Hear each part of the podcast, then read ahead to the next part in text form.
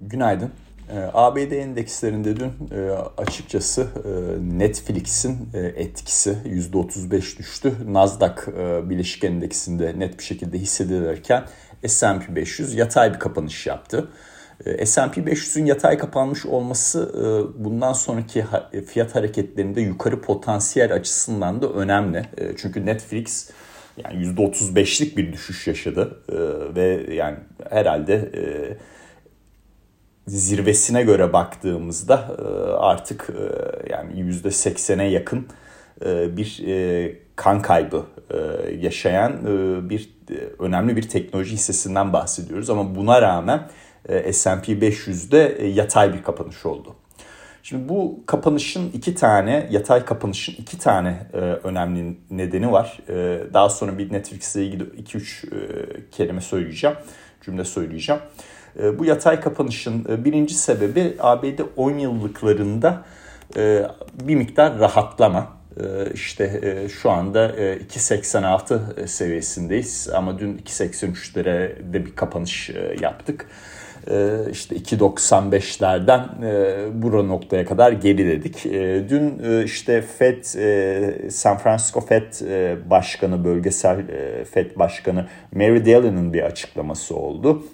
O da e, bu sene içinde e, politika faizinin e, natürel orana e, ve bir yani o orana çıkması e, gerektiğinden bahsediyor. Bu zaten piyasa fiyatlamasında olan bir şey. Yani gidip işte e, vadeli piyasalardan e, yıl sonunda e, Fed'in politika faizinin kaç olması bekleniyor ve nasıl bir fiyatlama yapılıyor diye baktığınızda şu anda 2.50-2.75 bandında bir e, politika faizinin fiyatlandığını görüyorsunuz. E, bu da zaten Fed'in o natürel oranı 2.40'ın üzerinde bir fiyatlama. Dolayısıyla e, piyasadaki e, Fed fiyatlamasını daha şahinleştirecek bir açıklama gelmedi. E, bugün keza Powell'ın da e, konuşması olacak. E, işte e, oradan da ben e, bu... E, paralellikte bir e, açıklama gelmesini bekliyorum. E, bunu niye söyledim? Biliyorsunuz hafta başında Bullard'ın e, konuşmasını bir miktar değerlendirmiştik. Kendisinin en şahin FED üyesi olduğu için bunun piyasanın çok fazla o söylediği işte 3,5'luk faiz politika faiz oranının bu sene içinde olması gerektiğiyle ilgili olarak çok da önemsemeyeceğinden bahsetmiştik. Keza bu görüş e, piyasada e, diğer bölgesel FED başkanlarıyla da işte Chicago olsun, Atlanta olsun, e, dün San Francisco olsun bölgesel FED başkanlarıyla da bozulmuş oldu. Yani biz 2022 senesi içinde politika faizimizi natürel oranın üzerine çıkaracağız. Çıkaracağız ki e, bu e, enflasyon beklentilerini daha hızlı bir şekilde e, kontrol altına alalım. Ama bunun da üzerinde ekonomiye darbe vuracak kadar sert bir sıkılaşma e, olmayacağının e, çok aşırı bir darbe vuracak kadar tabii ki talepte bir miktar e, daralma yaşanacak ama bir resesyona götürmeyecek kadar sert bir sıkılaşma olmayacağına dair önemli bir e, nokta oldu. Bununla beraber e, 10 yıllıklarda da gerileme e, başladı. E, burada 2.77 e, seviyesini takip ediyorum. Eğer onun altına da düşürebilirsek e, 2.56-2.58 bölgesine doğru bir hareketlilik e, ABD 10 yıllıklarında söz konusu olabilir. İkinci e, nokta da e, bu e, işte e, endekslerdeki e, olumlu e, havayı destekleyen ikinci noktada e, ABD'deki bireysel yatırımcıların e, şu anda e, haftalık bazda anketler yapılıyor ve bu bireysel yatırımcılar e, aşırı derecede negatif durumda. Yani e, işte e, grafiğe baktığımızda işte tarihi diplerdeyiz. E, dolayısıyla eğer e, hisse senetleri fiyatlamalarında yukarı hareketlenmeler devam ederse e, ki benim beklentim bu yönde. E, bireysel yatırımcıların daha çok ilgisini arttırıp o aşırı negatif algıyı çok hızlı demeyeyim ama orta vadede daha böyle e, bullish bir e, algıya çevirebilecek bir e, potansiyele sahip. Yani bu e, anket genelde e, karşıt zihniyetle çalışır. bireysel yatırımcılar aşırı negatif ise endeksler yukarı gider, aşırı pozitif ise endeksler aşağı gider. Dolayısıyla böyle bir durumla karşı karşıyayız. Bu iki yapıdan ötürü ABD e, tarafında e, Nasdaq e, Netflix nedeniyle ciddi bir satış yaş- yaşasa da e, S&P 500 yatay bir kapanış yaptı e, ve e, açıkçası önümüzdeki dönemdeki fiyatlamalar açısından da bana bir umut vermiş oldu. Şimdi bu e, Netflix'te ilgili söylemek istediğim bir iki şey şu. Yani çok böyle negatif bir algı var. E, piyasa fiyatlamalarında da e, işte görüyorsunuz %35 düştü yani dün bilanço açıklaması sonrası. Kötü bir rakam olduğu aşikar. Yani onu değerlendirmek çok gerçekçi değil. Ama şöyle bir durum var. Yani Netflix artık 2011 yılındaki Netflix değil. Yani 220 küsür milyon üyesi var. E, ve bu üyelerle ilgili olarak e, fiyatlama gücü var. E, hem aşağı tarafa da çekebilir hem yukarı tarafa da farklı seçenekler çıkararak, farklı ürünler çıkararak işte konuşulanlardan biri daha ucuz bir versiyon olsun, e, reklam gelirleri bazlı olsun. E, diğer e, tarafta da daha böyle premium e, taraftan bir şey de olabilir e, şeklinde düşünce var.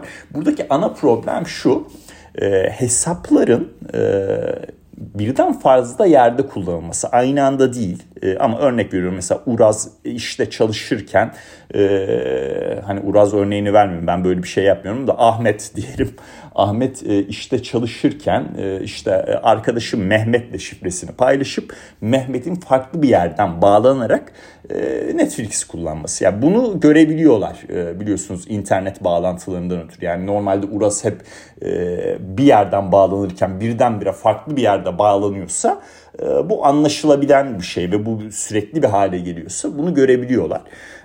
Bu durumu e, yaklaşık olarak 200 milyon kişiden e, ekstra bir kişi tarafından kullanıldığı tahmin ediliyor Netflix tarafından. Yani şu anda kendi üye sayısına baktığınızda 220 milyon kişi artı bir de 200 milyonluk böyle kullanan bir havuz var. Dolayısıyla alternatif olarak daha ucuz e, reklam gelirli bazlı bir ürünün çıkması o tarafta da aslında tekrardan kullanıcı sayısında artışlara neden olabilecek bir gelişmeye de e, sebebiyet verebilir. E, dolayısıyla burada yani eğer hisse 200-210 dolar e, seviyesine gelirse e, çok ciddi uzun vadeli bir e, alım fırsatı olduğundan bahsetmemiz herhalde çok da yanlış olmaz. Ee, Avrupa tarafına geçmek istiyorum. Ee, Avrupa'da dün Macron'la Le Pen'in e, işte pazar günkü seçimden önce son televizyon tartışması vardı. Ee, bu tartışmanın sonuçlarında Macron'un %59'luk bir e, işte e, kendini kabul ettirdi rakamı e, ortaya çıkıyor. E, bu olumlu bir gelişme euro dolar e, açısından, euro açısından daha doğrusu. Pazar günkü seçimlerde Macron'un seçil, ikinci turu da alması durumunda gelecek hafta euro dolarda 1.10 seviyelerini test edebileceğimiz bir fiyatlama döngüsüne girebiliriz. Ee, onun dışında bir Avrupa Merkez Bankası üyesinin e, işte e, politika faizinin artıya geçmesiyle ilgili bir e, yorumu geldi. Bu da Euro'yu destekleyen bir haber akışı en azından. Diğer tarafta bir miktar petrol fiyatlarıyla da bağlantılı... Avrupa'nın e, işte Rusya'ya petrol ambargosu e, koyması ile ilgili detaylar üzerinde çalıştığına dair New York Times'tan bir haber geçti. Şimdi bu haber normalde petrol fiyatlarında çok daha sert bir yükselişe e, sebebiyet verebilecek bir kapasitede. Artı bir de petrol stokları da dün yani beklenti işte 3 milyon varil artıştı 8 milyon varil azalış e, gerçekleşti. Bu iki habere rağmen petrolde çok ciddi bir sert yükseliş görmedik. E, burada herhalde stratejik rezervlerin piyasaya gelmesinin önemli bir etkisi var e, piyasa fiyatlamalarında. Dolayısıyla ben artık hani bu kadar kötü haber akışına rağmen yukarıya gidemeyen bir petrol fiyatı gördüğüm için aşağı yönlü hareketleri daha e, gerçekçi buluyorum. E, burada işte WTI'de ilk izlediğim seviye 100 e, dolar destek bölgesi. Onun altına inersek çok daha iyi olacak satış baskısının devamı açısından. Bugün işte Powell konuşacak, Lagarde konuşacak e, saat e, Türkiye saatiyle 7'de e, önemli olacaktır. E, Snapchat'in e, bilançosu var. E, yani dün e, işte e, seans sonrası Tesla'nın bilançosuna baktığımızda biraz da burayı açalım. E, yani birincisi beklentilerden 1 milyar dolar fazla ciro e, rakamıyla karşımıza geldi. İkincisi e, hisse başı karda tarihi yüksek seviyeye ulaştı. Üçüncüsü bence en önemli olan e, bu tedarik zincirlerindeki problemler ve ham madde fiyatlarındaki yükselişe rağmen e, kar marjlarını arttırabilmiş. E, bu çok değerli bir e, veri açıkçası. Neden? E, demek ki e, Tesla'nın e, daha yüksek segmentteki fiyattaki araçlarına artık daha çok bir e, ilgi var. Ya da daha düşük segmentteki araçlara daha böyle yazılımsal diyebileceğimiz satışlarda bir miktar artı bir durum söz konusu olabilir. Marjları iyileştirebilmesi, ciro büyümesi ile beraber düşünüldüğünde böyle kötü bir hani nasıl size söyleyeyim savaşın olduğu işte e, batarya e, üretim maliyetlerinin oldukça arttığı bir dönemde bunu yapabilmesi gelecekle ilgili oldukça umut verici. E, piyasada da zaten işte seans sonrası işlemlerde dünkü kayıpların hepsini geri aldı. 1040'ların üzerine çıktı. En son kapanışı 1030'lardan yaptı. Tesla'da da olumlu fiyatlamanın devamını ben açıkçası bekliyorum e, bugünden itibaren. E, Snapchat eğer iyi bir e, bilanço açıklarsa e, bu Netflix'in e, durumu e, bir, bir miktar e, bireysel bir durum kabul edilip e, Nasdaq üzerindeki negatif e, etkisi e, ortadan yavaş yavaş kalkabilir. Ama bunun için gelecek haftaki bilançolarda önemli olacak. İşte Apple'dan bilanço gelecek, Microsoft'tan bilanço gelecek, Google'dan bilanço gelecek. E, Facebook'tan e, bilanço gelecek vesaire vesaire. Yani e, oldukça yoğun bir teknoloji bilanço haftası olacak. Burada eğer iyi rakamlar alabilirsek özellikle işte bu tedarik zincirleri ve ham madde fiyatlarındaki artışın örneğin Apple marjinlerine negatif etkilemediğini orada da görürsek o zaman işte oldukça iyi bir görünüme endeksler açısından geçmiş oluruz. Ee, bizim tarafta bu BTC Türk haberi var. Ee, yani bu tabii normal olarak çok konuşuldu, tartışıldı. 3.2 ee, milyar dolarlık bir değerleme ile Coinbase tarafından satın alınması e, söz konusu. Valla olumlu bir haber olarak ben e, algıladım. Hani gerçekleşir, satılır, satılmaz o ayrı dava.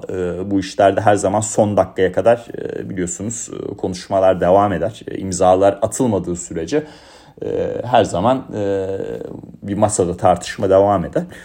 E, benim yorumum e, açıkçası e, bu kripto tarafında daha böyle bir ilgi arttırabilecek bir haber ve bu tarz işte konsolidasyonların da önümüzdeki zamanlarda piyasa, kripto piyasasına olumlu yansıyabilecek bir e, durum olduğunu düşünüyorum. E, keza işte Avustralya'dan da bir e, Bitcoin borsa yatırım fonu haberi vardı. E, Bitcoin tarafında işte bu Avustralya haberi daha çok etkili olur. E, alımların devam etmesi şu anda 41.500 seviyesindeyiz. İşte 42.000 200'ün e, üzerinde bir kapanış yapma görürsek ve 48 binlere doğru gidersek bu aynı zamanda S&P 500 içinde de e, endeksler açısında da e, Nasdaq açısında da olumlu bir gelişme olacaktır. Bugünlük benden bu kadar. Hani özetlemek gerekirse şöyle özetleyeyim. Netflix'in yarattığı negatif algıyı tam olmasa da e, Tesla bir miktar ortadan kaldırdı. E, bugün Snapchat ve gelecek hafta bu mega sermaye teknoloji hisselerinden de iyi rakamlar alabilirsek e, yatırımcı algısında hızlı bir şekilde yukarıya dönme söz konusu olabilir. Euro dolar pozitifim. Pazar günkü seçimlerden sonra gelecek hafta 1.10 seviyelerin test edilmesi söz konusu olabilir. Petrol tarafında negatifim. Bütün bu negatif dünkü haber akışlarına rağmen çok ciddi bir premium yaşanmadı fiyatlamada. Stratejik rezervlerin etkisiyle aşağı doğru bir fiyat hareketi önümüzdeki zamanlarda söz konusu olabilir. Ee, onun dışında Bitcoin pozitifim ee, işte Avustralya'dan e, gelen e, haber e, nedeniyle e, ve e, bu Bitcoin'deki durumun risk algısının daha da çok e, toparlamasını e, beklediğimden ötürü ABD 10 yıllıklarında da daha sıklaşma konusunda daha şahin bir Fed'i e, yakın zamanda göreceğimizi düşünmediğimden ötürü e, en azından. E, Mayıs ayı toplantısı çok ciddi bir e, risk olayı değil benim açımdan. Yani fiyatlama zaten yapıldı diye ben duruma bakıyorum. ABD 10 yıllıklarında da aşağı doğru hareketleme hareketliğin bir miktar daha gidebileceği söz konusu. Dinlediğiniz için teşekkürler. Herkese iyi seanslar dilerim.